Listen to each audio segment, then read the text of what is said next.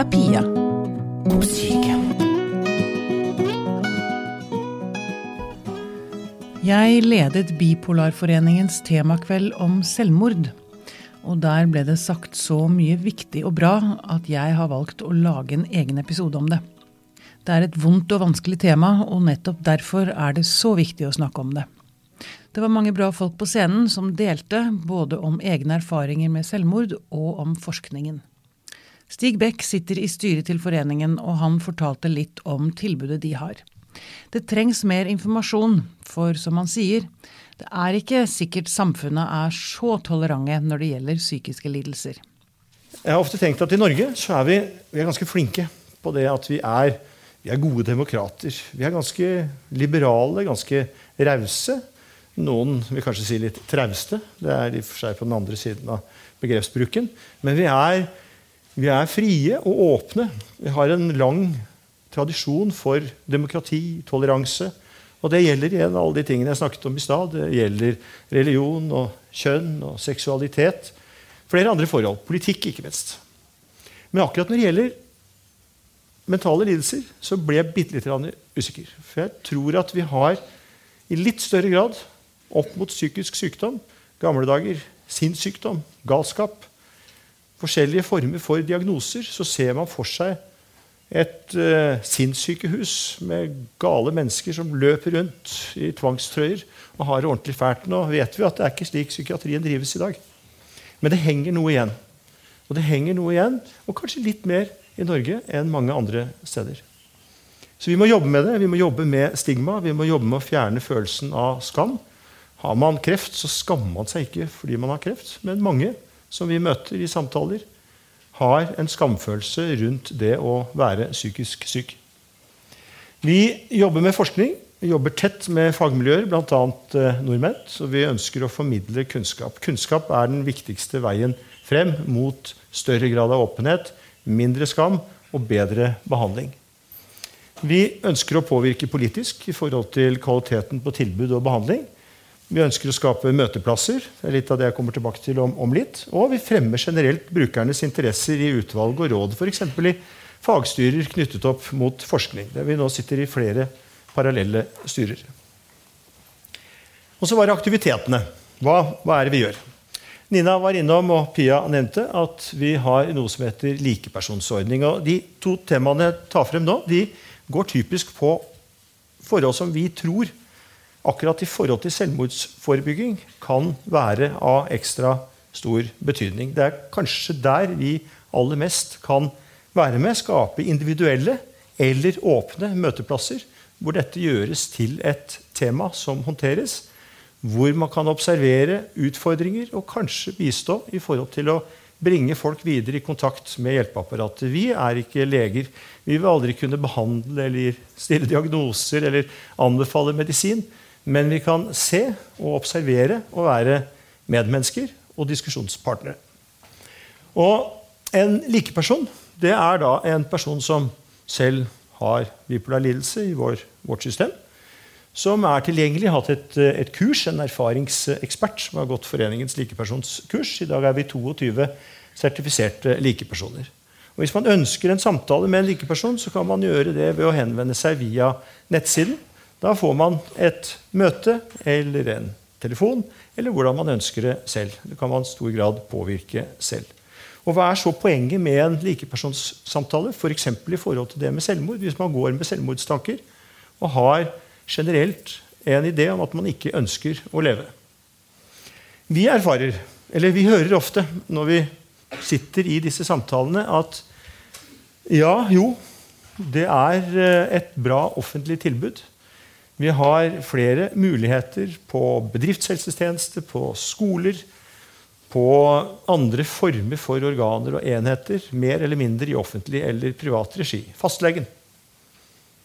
Men det er en høyere terskel for å ta kontakt med personer som ikke selv er i situasjonen. Det vi erfarer, og som vi stadig får beskjed om, det er at det er lettere å sette seg ned og være åpen rundt den type utfordringer. Legge skammen til side. Senke skuldrene. For den skammen, enten vi liker den eller ikke, så er den der ofte hos mange. Og snakke med en som har, om ikke helt de samme, så lignende utfordringer. Og det beste er jo, eller noe bra, er også at de samtalene er bra for oss som er like personer. Fordi vi, vi får orientert oss litt, vi får sett i forhold til hvordan andre agerer i tilsvarende situasjoner. Kartlegging og forskning er viktig i forebyggingen av selvmord. Et miljø som forsker på dette, er NSSF, Nasjonalt senter for selvmordsforskning. Han som leder det nasjonale kartleggingssystemet for selvmord i psykisk helsevern, heter Fredrik Valby. Han fikk ryddet litt i tall og forestillinger vi har om selvmord. Det å ha selvmordstanker det har de fleste av oss hatt på et eller annet nivå en eller annen gang i livet. Eh, det betyr ikke nødvendigvis at man er veldig nær å ta sitt eget liv. Det kan gjøre det, men det betyr ikke nødvendigvis det. Eh, det å snakke om at man har sånne tanker, er eh, tilsvarende også ganske vanlig. Særlig hos mennesker som sliter, sånn som Stig var inne på. Og mange gjør enten selvmordsforsøk eller skader seg på andre måter som kan være veldig selvmordsnært, eller det kan handle om en god del andre ting. Så jeg bare prøver å rydde litt i det på to sekunder. Når jeg snakker for helsepersonell, så pleier jeg å bruke en times tid på den sliden. Så det var bare for å gi en liten introduksjon. Eh, nesten alle som dør i selvmord, de har en psykisk lidelse. og den aller vanligste psykiske lidelsen det betyr ikke at det var hele årsaken. Det betyr heller ikke at det nødvendigvis var kjent eller at man var i behandling. Men eh, det å ha en psykisk lidelse er en veldig veldig sterk risikofaktor for å dø i selvmord. Og faktisk helt opp mot 60% har en eller annen type depresjon. Enten det er en ledd i en bipolar lidelse eller eh, en såkalt unipolar, unipolar depresjon eller andre typer depresjoner. Og så er det en litt sånn vanlig misforståelse, og det er at jo sykere man er, og jo lenger man har vært psykisk syk, for å kalle det det, og jo mer tydelig det er for, eh, for omverdenen, jo større er risikoen. Og det er kanskje nesten 100 feil. Eh, det er ofte det vi ikke ser. Eh, det er de brå endringene, det er det store funksjonsfallet, det er de tingene der som er vel så viktige. Så, og Det gjør jo også at noen tror at hvis du sliter psykisk, så er jo kunnskaps nivået og stigma såpass stort enda, sånn som Stig var inne på, at vi tror at vi skal kunne se utapå hvem som egentlig sliter. Og det må vi snart skjønne at sånn er det ikke. Og det er ikke noe uh, entydig sammenheng mellom disse tingene. Så er det mange andre faktorer som er involvert òg. Både hvordan man sykehistorien har vært, hva slags behandling man får, og ikke minst alle vanlige ting som støtte, ressurser, Påkjenninger, traumer, tap, alle disse tingene. Uh, og uh, det er jo også vi som har jobba mye med pasienter. Jeg har vært sjefpsykolog i voksenpsykiatrien i ti år. Uh, vi ser jo veldig godt, og det tror jeg andre kjenner til også, det er veldig stor forskjell på pasienter med samme diagnose. Så Noen klarer å på en måte håndtere sykdommen sin godt, noen klarer å holde ut lidelsen på et helt annet nivå. Og folk er veldig forskjellige. skal vi også huske på. Og det er alltid sånn at Alt som er vanskelig i livet, er også med på å øke, eh, øke selvmordsfaren. Nest viktigste risikofaktoren for å dø i selvmord det er å ha gjort et tidligere selvmordsforsøk. Men det som gjør det veldig vanskelig for oss alle, det er at halvparten av de som dør, og det gjelder enten det er i kontekst av en psykisk lidelse eller ikke, de dør i sitt første selvmordsforsøk. Sånn at vi har av og til veldig veldig små vinduer for å klare å, uh, klare å intervenere. Og så er jo heldigvis selvmord en relativt sjelden tilstand, og det gjør at vi i de fleste tilfeller ikke klarer å predikere hvilke personer eller hvilke pasienter som senere kommer til å dø. Så vi må tenke på gruppenivå, men vi må tenke på systemnivå. Uh, dette her er en litt sånn teknisk uh, slide, men hovedpoenget skal jeg bare ta kort. Uh, pasienter i psykisk helsevern, dette er ganske nye tall fra kartleggingssystemet, har selvmordsrater som er over 200 eh, hos menn. Eh, det er skyhøyt i forhold til selvmordsraten hos alle norske menn, som er på ca. 18 per 100 000. Eh, og hvis vi tar bort Hvis vi bare ser på selvmordsratene hos mennesker i Norge som, menn, men, unnskyld, menn i Norge som ikke er i kontakt med psykisk helsevern, så er selvmordsraten omtrent halvert. Det sier noe om hvor viktig denne gruppa er hvis vi skal klare å forebygge flere selvmord. Uh, også hos kvinner så er det dramatisk økte rater. Det er litt knotete her, men den er på over 100. Selvmordsraten hos alle norske kvinner er mye lavere enn hos menn. Uh, den er på 7-8 omtrent. Og selvmordsraten hos norske kvinner som ikke er i kontakt med spesialisthelsetjenesten, den er helt nede på 3. Det er ganske godt nytt, for det viser at i Norge så har vi så store helsesystemer at vi klarer å eh, komme i kontakt med de aller, aller fleste kvinner som eventuelt senere dør i selvmord. Så utfordringen der er eh, mer å klare å forebygge mer innenfor tjenestene. Men hos menn så er det også et stort utfordring med å klare å komme i kontakt med flere. Uh, ja. Jeg pleier å, De som har hørt meg før, har sikkert også sett denne sliden. Det er en av mine uh, favorittslides, um, som jeg pleier å bruke av to ulike grunner. Det ene er at eh, livshistorien til Ernest Hemingway, som jo dette er, og som alle vet hvem er, eh, oppsummerer de aller viktigste risikofaktorene. Eh, han døde jo i selvmord i eh, ja, Han var vel oppe i slutten av 60-årene, begynnelsen av 70-årene, noe rundt der. Altså godt voksen. Selvmordsratene er ganske like fra 18-19 år, tidlig, tidlig voksen alder. Han var mann. Han hadde et eh, hva skal vi si for noe, eh, veldig langvarig og veldig kjært kanskje massivt kjærlighetsforhold til alkohol, som er også en av de viktigste drivkraftene. Eh, Når han døde, så hadde han en veldig alvorlig eh, psykotisk depresjon. Mange mener at han hadde en bipolar lidelse. Det er litt uklart, men de fleste eh, havner vel på den konklusjonen. Han en, hadde en alvorlig familiebelastning både av en opphopning av bipolar lidelse i veldig mange generasjoner både før og, uh, før og etter han, og en kjempeopphopning av, av selvmord, uh, som jo også viser den genetiske komponenten, som er jo kjent fra mange andre studier. Han var jo gjennom livet litt ustabil og impulsiv. Klart, hvis du skal dø i selvmord, så må du også gjøre noe. Så det er et karaktertrekk som, som kan øke risikoen litt. Og han var nylig innlagt på psykiatrisk sykehus i tre omganger for behandling av den psykotiske depresjonen. Eh, I tillegg eh, er det viktig å ha fokus på begrensning av metode. Eh, det er noe vi kan gjøre mye i, f.eks. på sengeposter i, i psykisk helsevern. Og tidligere selvmordsforsøk snakket jeg om i stad. Det hadde han også. Det er det ene som er viktig. Det andre hvis, du, hvis du da får Nobelprisen i litteratur, som Hemingway da fikk, hva slags funksjonsnivå har du på et eller annet tidspunkt i livet da? Veldig høyt funksjonsnivå. ikke sant? Sånn at det er fullt mulig å ha fremdragende prestasjoner eller leve et helt vanlig liv, og så bli veldig sjuk. Og det syns jeg det er vanskelig å liksom få kommunisert noe særlig rundt. Så derfor stresser jeg denne sliden. Eh, personer som sliter med bipolar lidelse, har en sterkt forhøyet selvmordsrisiko, som vi også har som vært sagt tidligere.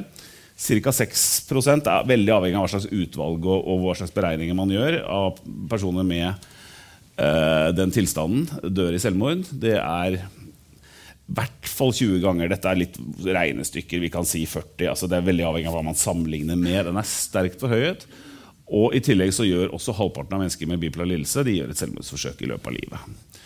Og Det er litt misforståelser rundt dette, her, men selvmordene hos personer med bipolar lidelse de skjer i depressiv fase på en eller annen måte. Enten på vei ned i det eller midt i det, og gjerne jo dypere, jo verre. Um, og Det er særlig den perioden hvor vi må være oppmerksom på selvmordsfaren, og vi må også prøve å forebygge de depresjonene. Vi skal snakke om det etterpå. Risikofaktorene er ganske like. Uh, disse gjelder jo på ingen måte alle, men de er ganske like det som har med den generelle, generelle populasjonen å gjøre. Er, menn har en overhyppighet. Enslige menn. Eh, de som har gjort tidligere selvmordsforsøk. De som har flere ulike eh, psykiske problemer. Alkohol er veldig viktig. Eh, jo mer nylig du har hatt en alvorlig enten depressiv eller manisk episode, eh, nylig vært innlagt på sykehus, og eventuelt det har vært tvangsinnlagt, det betyr, er jo mer en sånn indikator på alvorlighet, antageligvis, tror jeg, mer enn selve, selve tvangen. Men dette er generelle risikofaktorer som ikke gjelder for, for alle pasienter i den gruppa. I Norge har vi hatt utrolig dårlig, jeg vil si skammelig dårlig oversikt over selvmord relatert til eh, behandling i psykisk helsevern. Vi vet det er en høyrisikogruppe, men vi har hatt fryktelig dårlige tall på omstendigheter og på antall, som gjør at vi har gått glipp av mange muligheter til å forebygge. Og det Hele hensikten med kartleggingssystemet er å på sikt føre til bedre forebygging av selvmord i disse gruppene. Vi eh, gjorde en registerstudie som vi publiserte vel for et år siden. Den har sikkert mange hørt litt om, fått mye oppmerksomhet. Viste jo at av mennesker som dør i selvmord i Norge, så har 43% står det her, vært i kontakt med psykisk helsevern eller tverrfaglig spesialisert rusbehandling siste året før de døde.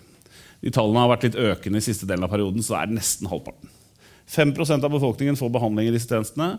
Eh, halvparten av de som dør i selvmord, er innom. Igjen så viser det hvor viktig det er å fokusere på behandling av psykiske lidelser og ha høy kvalitet i, eh, i de tjenestene vi har. Styrelederen i Bipolarforeningen har forsøkt å ta sitt eget liv. Hun har også opplevd at barna hennes har gått med selvmordstanker. Marianne Sacker gjør det hun kan for å bryte ned stigma rundt diverse tematikk vi gjerne har litt vanskelig for å snakke om, også seksuelle overgrep. Jeg skal få lov å snakke om noe som ligger mitt hjerte veldig nært. Og det er samfunnet sin rolle overfor psykisk syke. Så skal jeg få lov å snakke om forutinntatthet og skam. Og så har jeg delt som sagt i fire år, og da har jeg delt under et motto og jeg deler fordi jeg tenker at jeg skal låne vekk min stemme til de som ikke tør å bruke sin egen. Og så skal de få låne min styrke, de som ikke står støtt ennå. Og i kveld så står jeg her i ulike embet. Samme som at summen av meg er en hel masse. Innledningsvis så står jeg her som styreleder for Bipolarforeningen. Jeg står her fordi jeg har en diagnose som gjør som sagt, at jeg har en høyere risiko for å dø av et selvmord. Jeg står her òg som et menneske som har utstrakt egenerfaring. Og jeg vil si at jeg har faktisk så mye erfaring at jeg òg er en ekspert på dette området. Jeg er ikke en ekspert som Fredrik, men jeg er en ekspert i å navigere i mørket. Jeg er en som har kjent på kroppen hva det vil si jeg har hørt de her forræderske tankene som hvisker eh, verden vil bli et bedre sted hvis du ikke er her. Det er ingen som vil legge merke til om du dør. Jeg står her i embet av som 14-åring og har kjent at mørket tok over. Et mørke som spiste meg opp innvendig fordi at jeg bar på en hemmelighet. Den hemmeligheten var i ferd med å ta livet av meg. For jeg ville ikke dø sånn egentlig. Det var bare det at det var blitt så sykt tungt å leve. Det var så tungt å leve med hemmeligheten om at jeg var blitt brutalt voldtatt som niåring. Så jeg la meg ned i snøen for å dø. Jeg la meg ned i snøen for å fryse i hjel. Jeg står her òg i embetet av som voksen og har kjent mørket komme snikende. Det kom snikende som tåker som legger seg over landskapet. Mørket som fikk alle konturene til å forsvinne. Det var et mørke som la seg stille og forsiktig over alt det som egentlig før hadde brukt å være bra. Det var et mørke som omfavna meg og alle tankene mine og hele kroppen min. Et mørke som sa du er ikke god nok. Du har ingen verdi. Alle vil ha det så mye bedre om du drar din vei.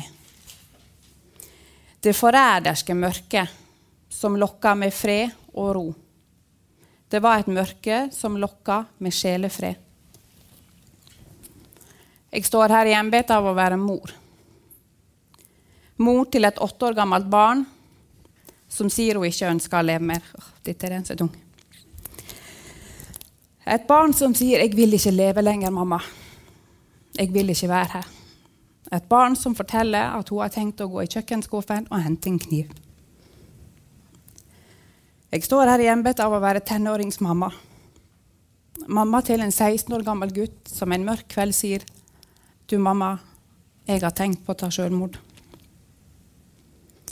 Jeg står her i embetet av å være voksen, som har kjent at hele grunnen jeg sto på, forsvant fordi at noen av de som jeg elsker mer enn noe annet, ikke ønsket å være her mer. Barn som jeg har kjent vokse til liv i min egen mage, ønsket ikke å leve. Jeg står her med alle de hattene i alle de rollene og med alle de maskene som jeg har måttet ty til for å overleve. Masker som denne tøffere enn toget tenåringen, som kamuflerte at jeg hadde det så vondt.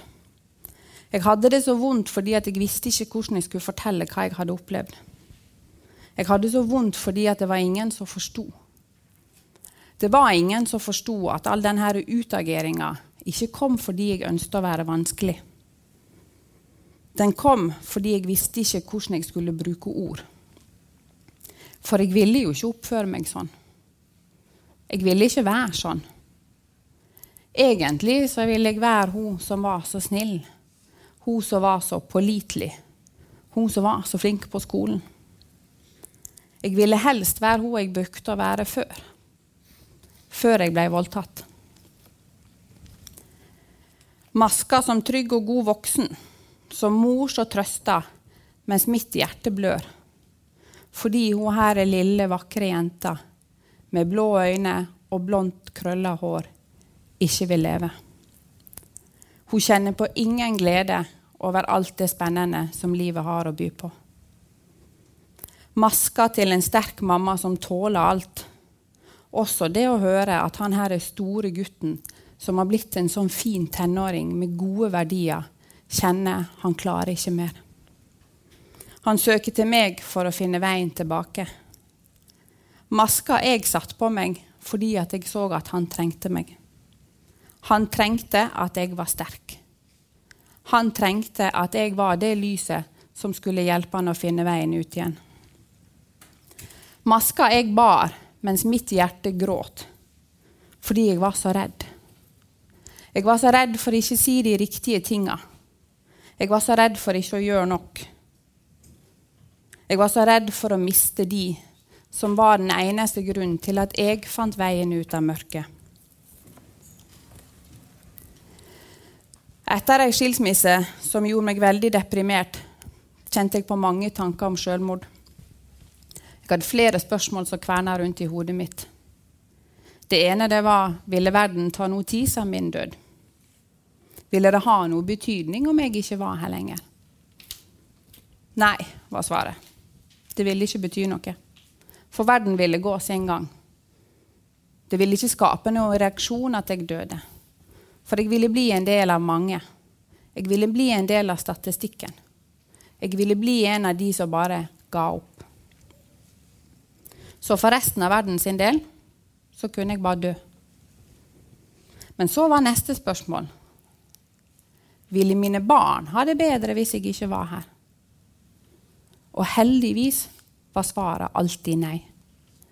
For hvem skulle sørge for at de fikk de verdiene som jeg ville at de skulle ha? Hvis ikke jeg var der sjøl og viste vei?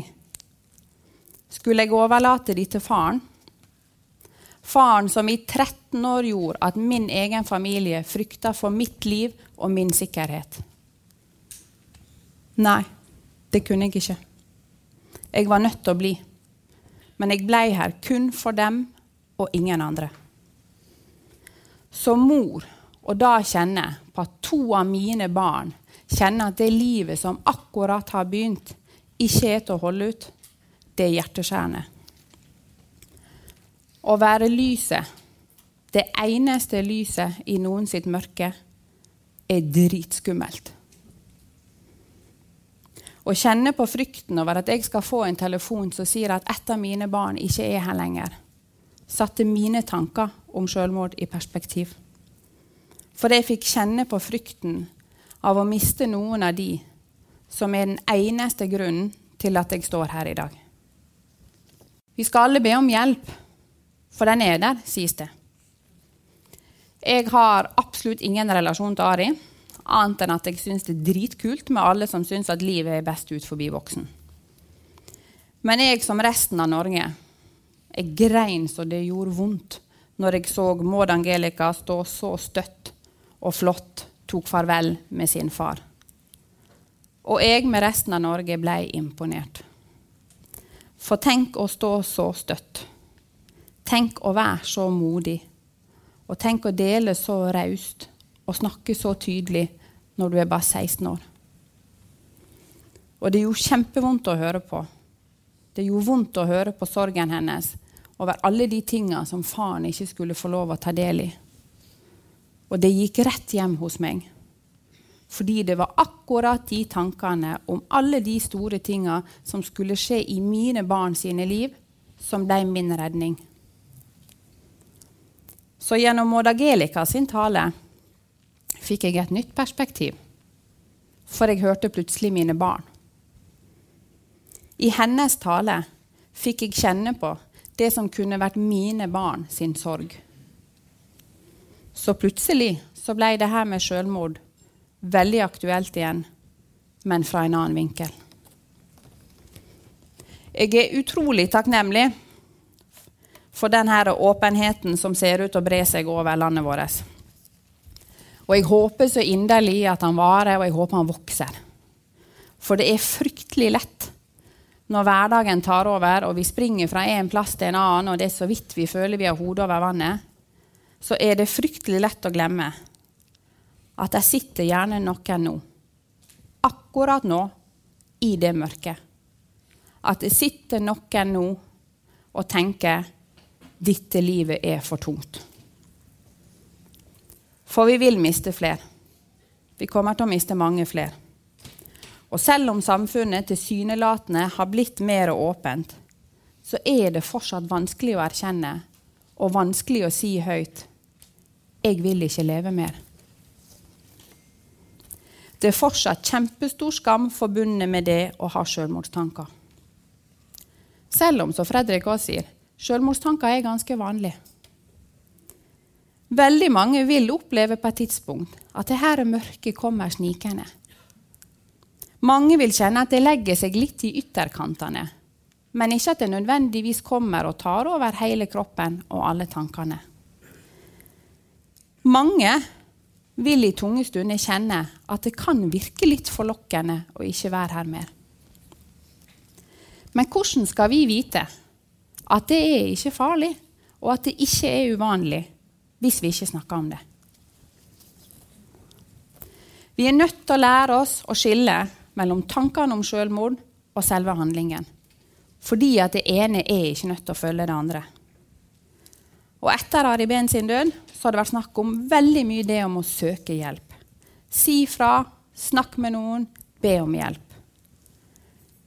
Men vi kommer ikke unna at dessverre så er ikke det like lett for alle. Det er ikke alle som opplever at den hjelpen er der når de trenger den.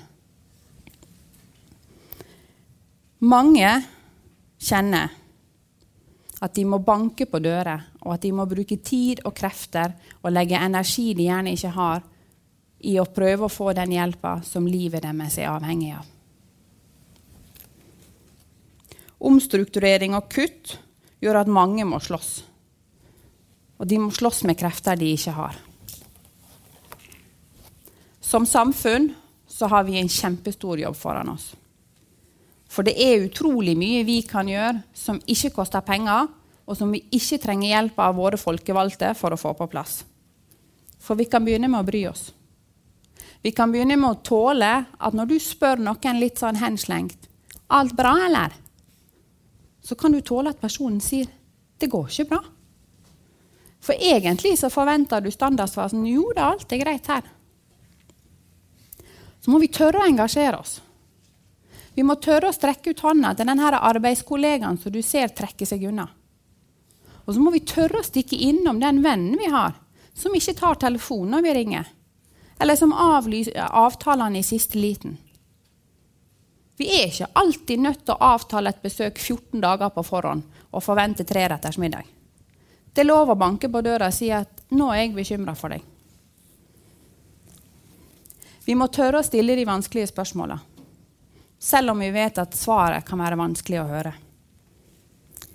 For det er noe som er riv ruskende galt når det fortsatt er mange som går og tror at det å spørre noen du er glad i, det å spørre noen du er bekymra for, er det sånn at du har tenkt på å ta ditt eget liv? Det går mange i 2020 som tror at det å sette ord på det, er det som blir den utløsende faktoren for at det mennesket velger å ta selvmord. Da har vi en enorm jobb foran oss. For vi må få åpenhet på agendaen. Og vi må gi våre barn et korrekt språk til å snakke om det som er vanskelig. Vi som voksen må gå fremst og vise med å være gode eksempler på at livet det er absolutt alt. For det er godt, og det er vondt. Og det er surt, og det er søtt. For oss som har bipolar lidelse, så kan det være himmelhøyt. Og for de aller fleste av oss så kan det faktisk innimellom være helt for jævlig svart. Vi må begynne å være ærlige med oss sjøl, og vi må være ærlige med de rundt oss. Og vi må være ærlige i måten vi kommuniserer på. Vi må få bukt med denne fasaden. Og så må vi kaste alle de maskene vi driver og drar på. For de fleste av oss har kjent på et eller annet tidspunkt at vi bruker enormt mye tid og energi på å late som at vi har det bra. Noen av oss har blitt sinnssykt gode skuespillere. Hvordan kan vi forvente at våre barn som vokser opp, skal forstå at alle de følelsene og tankene de opplever, er helt innafor? Hvis ikke vi skaper rom eller gir de ord, sette, gir de ord så de kan sette ord på det. Jeg har laga et mantra som jeg avslutter alle mine foredrag med. Og Det håper jeg at dere setter i ryggmargen. Og så er mitt ønske at alle dere møter, fra nå og i evigheten, skal dere møte med det her. Ganske enkelt. Forståelse skaper trygghet. Trygghet skaper åpenhet. Åpenhet redder liv. Erlend Mork er psykologspesialist og ph.d. hos TIPS Sør-Øst. Han jobber med opplæring og veiledning av behandlere. De historiene som deles både i tradisjonelle og sosiale medier, er veldig ofte historier om dårlig behandling innen psykisk helsevern.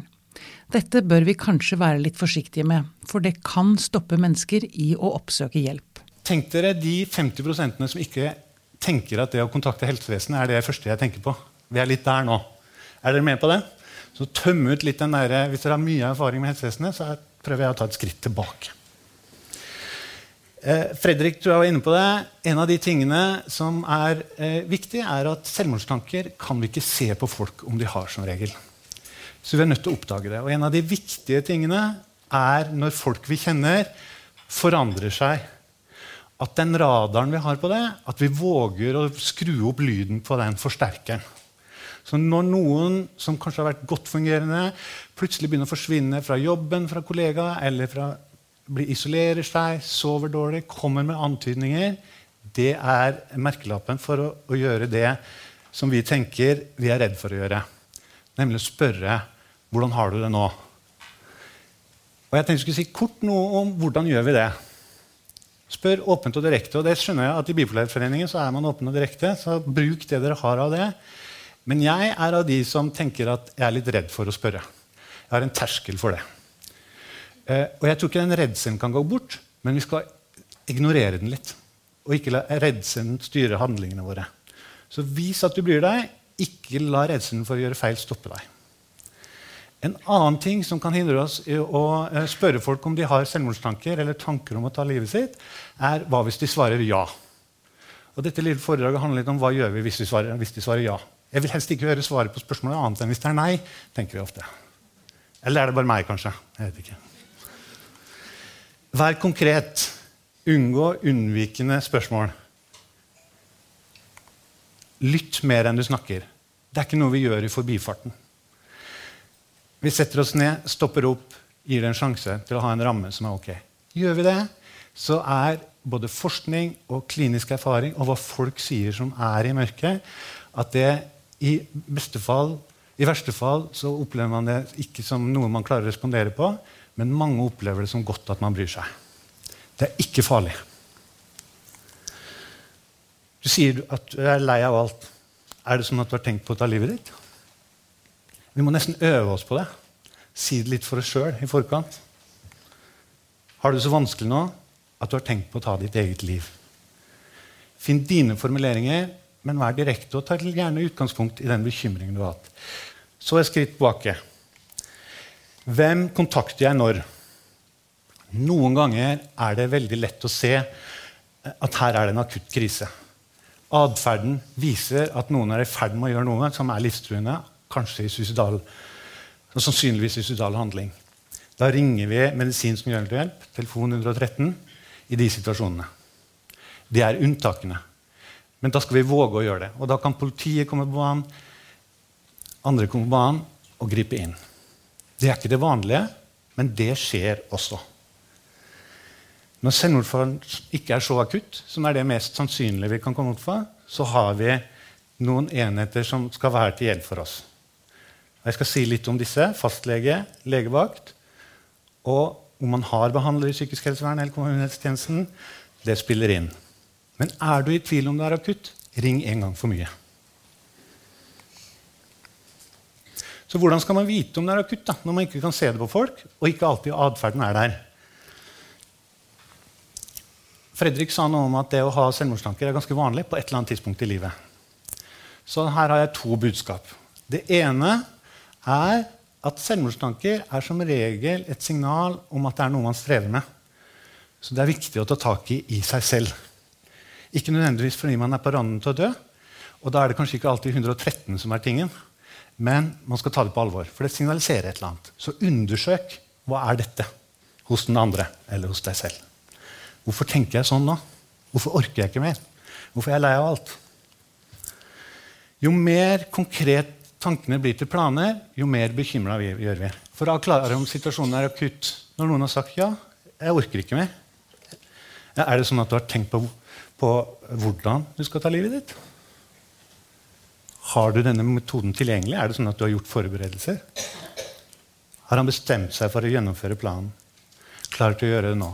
Jo nærmere vi kommer der, at det svarer ja på disse spørsmålene, jo mer akutt er det. Jeg skal ta et poeng som jeg egentlig har tenkt å ta til slutt. og Det er det fins idioter i alle sammenhenger. Så en av de tingene som er utfordringen, det er at hvis du møter en idiot første gang du prøver deg på noe, så er det så lett å gi opp. Men, men det er veldig mange Og det, man behøver ikke være idiot heller, det er bare at man treffes ikke. Eller man treffer noen som er på et helt annet planet enn en selv. Så Bipolarforeningen, gode venner, gode kolleger kan hjelpe deg til å ikke gi opp da. Så et, hvis du møter en idiot, en av de som er uheldig å møte på første forsøk, prøv igjen. Det er faktisk en god del av oss behandlere som vil vel, og som også har evner. Det kan høres rart ut at jeg sier det, men det er faktisk en god del av det. I all beskjedenhet. Og nå kommer poeng nummer to hos meg. En av utfordringene med å søke hjelp er at man kan ha forestilling om at ting løser seg ganske raskt. I hvert fall hadde jeg det når jeg søkte hjelp første gangen. Og Utfordringen er at det tar tid å komme i posisjon. Og Man kan ha forventning om at nå skal denne som pårørende, nå skal denne børen løftes fra meg. Jeg er lillebror av en bipolar pasient, søster, så jeg vet noe om det når jeg vokste opp. hvordan det der kan kjennes. Det er en utfordring som vi må ikke igjen ikke la den stoppe oss i å søke hjelp, for det fins god hjelp der ute. Alt er ikke effektivt. Men vi trenger gode ambassadører. Så mange av oss som er her, vi kan være gode ambassadører og hjelpe folk fram. Vennene våre. Kollegaene våre. Legevakten har den fordelen at den er andre åpningstider. Fastlegen skal kjenne deg og følge deg opp over tid. så det er store fordeler med det. Men legevakten gjør en vurdering. Du får en samtale. Og personalet på legevakten vurderer hvor brå hast det er. Alt fra akuttinnleggelse til henvisning til DPS, som kommer etterpå, eller BUP.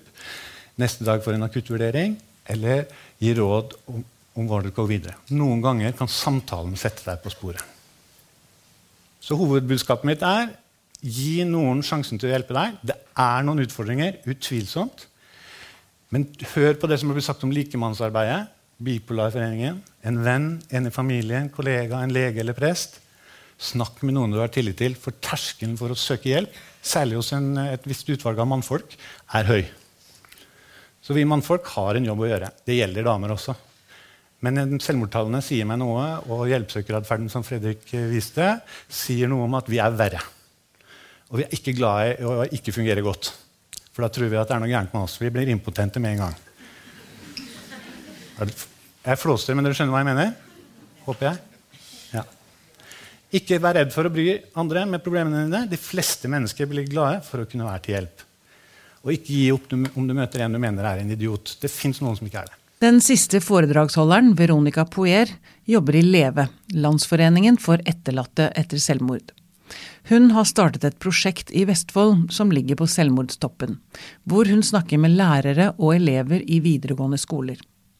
Hun mistet sin far i selvmord i 2013, og valgte etter hvert å bruke den erfaringen hun hadde, til å bidra.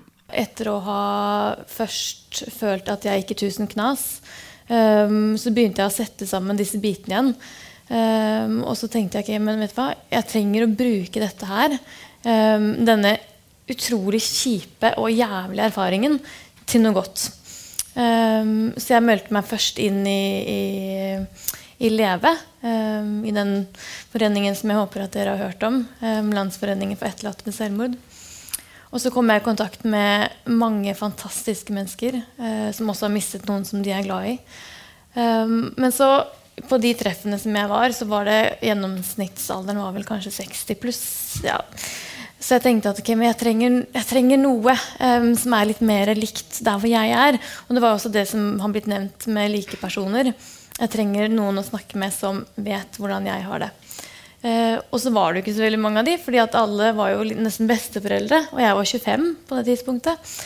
Så det jeg gjorde, var at jeg starta en gruppe. Um, og så Det gjorde jeg i 2015 og holdt på med det um, siden da. Holder fortsatt på med det. Og så ble jeg også tilbudt jobb i Leve, og det ble jeg også veldig glad for. Så jeg jobber nå 50% i Leve som kommunikasjonsrådgiver. Og så møtte jeg mannen min i Leve, så det var jo også noe veldig hyggelig som kom ut av det. Eh, og fikk han til å flytte fra Oslo til Vestfold, hvor jeg bor. Så det var jo kjempefint. Eh, og så er vi jo veldig opptatt av dette med forebygging og liksom det å kunne gjøre noe. Um, så vi lå på sengekanten, og det her høres jo veldig rart ut, men vi snakket om liksom, hvordan kan vi forebygge selvmord. Det var vi opptatt av halv ti på kvelden. Um, og så vi bare, ok, vi må jo snakke mer. ikke sant? Og bare, ja, Det hjelper jo ikke å ha grupper for etterlatte. Vi vil jo egentlig ikke ha flere medlemmer. Um, så hva kan vi gjøre? Og da fant vi ut at vi hadde lyst til å ha noen foredrag. Vi hadde lyst til å tenke at hvis man har mer kunnskap, så kan det også være med å redde liv. Vi valgte å kalle prosjektet for Best før og etter. Fordi vi ville at Vestfold skulle være best på før eh, forebygging og best etter på ettervern. Um, og det var jo noe som jeg erfarte at uh, det var ikke Vestfold så veldig god på. Uh, det var vanskelig å finne informasjon, det var vanskelig å finne hjelp. Um, jeg prøvde å undersøke litt hvor, er det liksom, hvor kan man finne denne informasjonen. Og det var veldig mange som var litt sånn Nei, det vet vi ikke, og dette er veldig skummelt å jobbe med, så vi har bare rett og slett ikke tatt tak i det. Um, så vi prøvde jo først med kommunen i Vestfold. og liksom, Er dere interessert? Og ja, de var interessert, men de syntes også det var litt vanskelig, så vi kom aldri noen vei. Så da tenkte vi fuck it, vi går på fylkesnivå og fikk 300 000. Så det vi gjorde da, og det var litt sånn Nå har vi fått masse penger, nå må vi begynne å jobbe. Så da begynte jeg å skrive på et foredrag, for tanken da var at Um, vi fikk ikke lov til å få disse pengene hvis vi skulle velge bare etterlatte ved selvmord som målgruppe. Vi måtte gjøre det veldig generelt. Um, og fordi fylket har ansvaret for um, de videregående skolene, så tenkte vi yes, vi snakker med ungdommer på videregående skoler om psykisk helse. Så det ble et selvmordsforebyggende foredrag. Og så tenkte vi at uh, det er minst like viktig at de som møter ungdom som har det vanskelig, og som har utfordringer i livet, at de også er rusta til å hjelpe. Ikke sant? Og det er også sånn som Når vi på, skal ut og fly, så sier de jo at man skal ta på denne masken først før man hjelper noen andre. Og man trenger folk som har tatt på seg masken, som kan være der og hjelpe.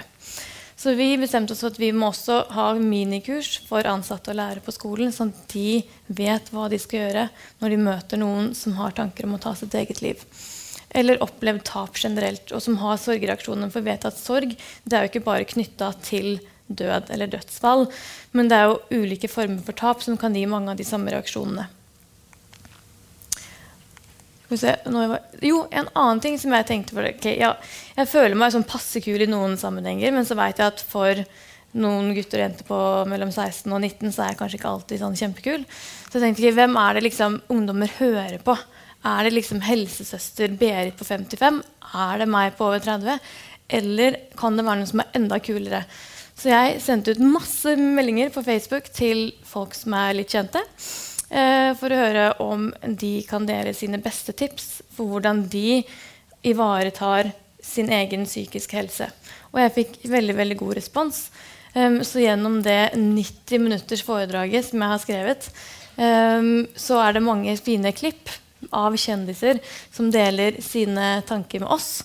Um, og jeg har lyst til å dele ett klipp med dere. Hei, Thomas Seltzer her fra NRK Trygdekontoret, og spiller litt bass også i Turboneger. Um, ja, jeg vil bare si at uh, når du får vonde tanker, så husk at det er bare tanker. Og tanker er ikke farlige. Og du er ikke de tankene. Så bare la dem flyte. Ikke bry deg om dem. Eh, og husk også, når du føler deg skikkelig nedfor og rar, så er det fort gjort å tenke at det er bare du som føler det sånn i hele verden. De gangene jeg har vært nedfor og rar, så har jeg med glede etter hvert funnet ut at det er mange andre som føler seg akkurat sånn. Derfor er det viktig å snakke med noen. Eh, snakk med en god venn. Eh, men aller helst prøv å se om du kan få snakka med en psykolog. Det er ikke noe farlig. Og jeg vil si at eh, man er ikke ordentlig mann før man har gått til psykolog, i hvert fall én gang. Lykke til.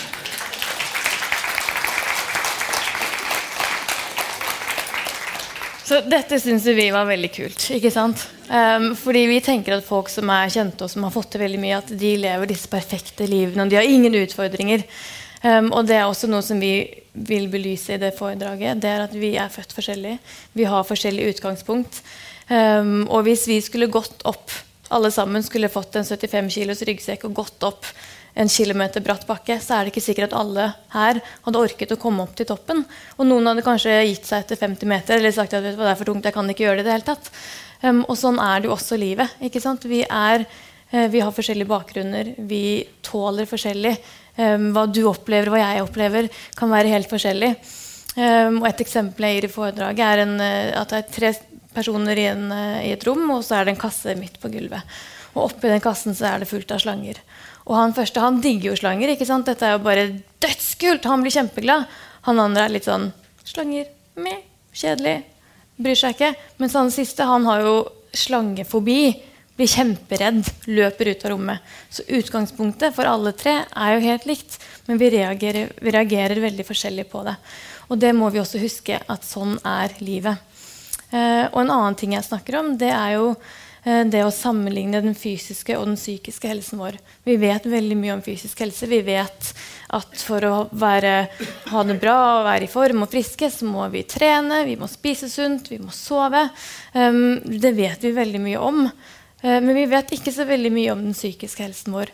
Men det er like viktig at vi trener den psykiske helsen vår, at vi ivaretar den, og at vi bryr oss om den på lik linje som vi bryr oss om den fysiske helsen vår. Hvis du går med selvmordstanker, eller hvis du er bekymret for noen i din nærhet, så finnes det steder du kan oppsøke for å få hjelp. Et bra sted å begynne for ungdom er ungarena.no. Du finner også informasjon og hjelp på selvmord.no, helsenorge.no. Eventuelt oppsøk fastlegen, legevakten eller politiet ved akutt fare. Jeg håper denne episoden har vært til hjelp. Ta vare.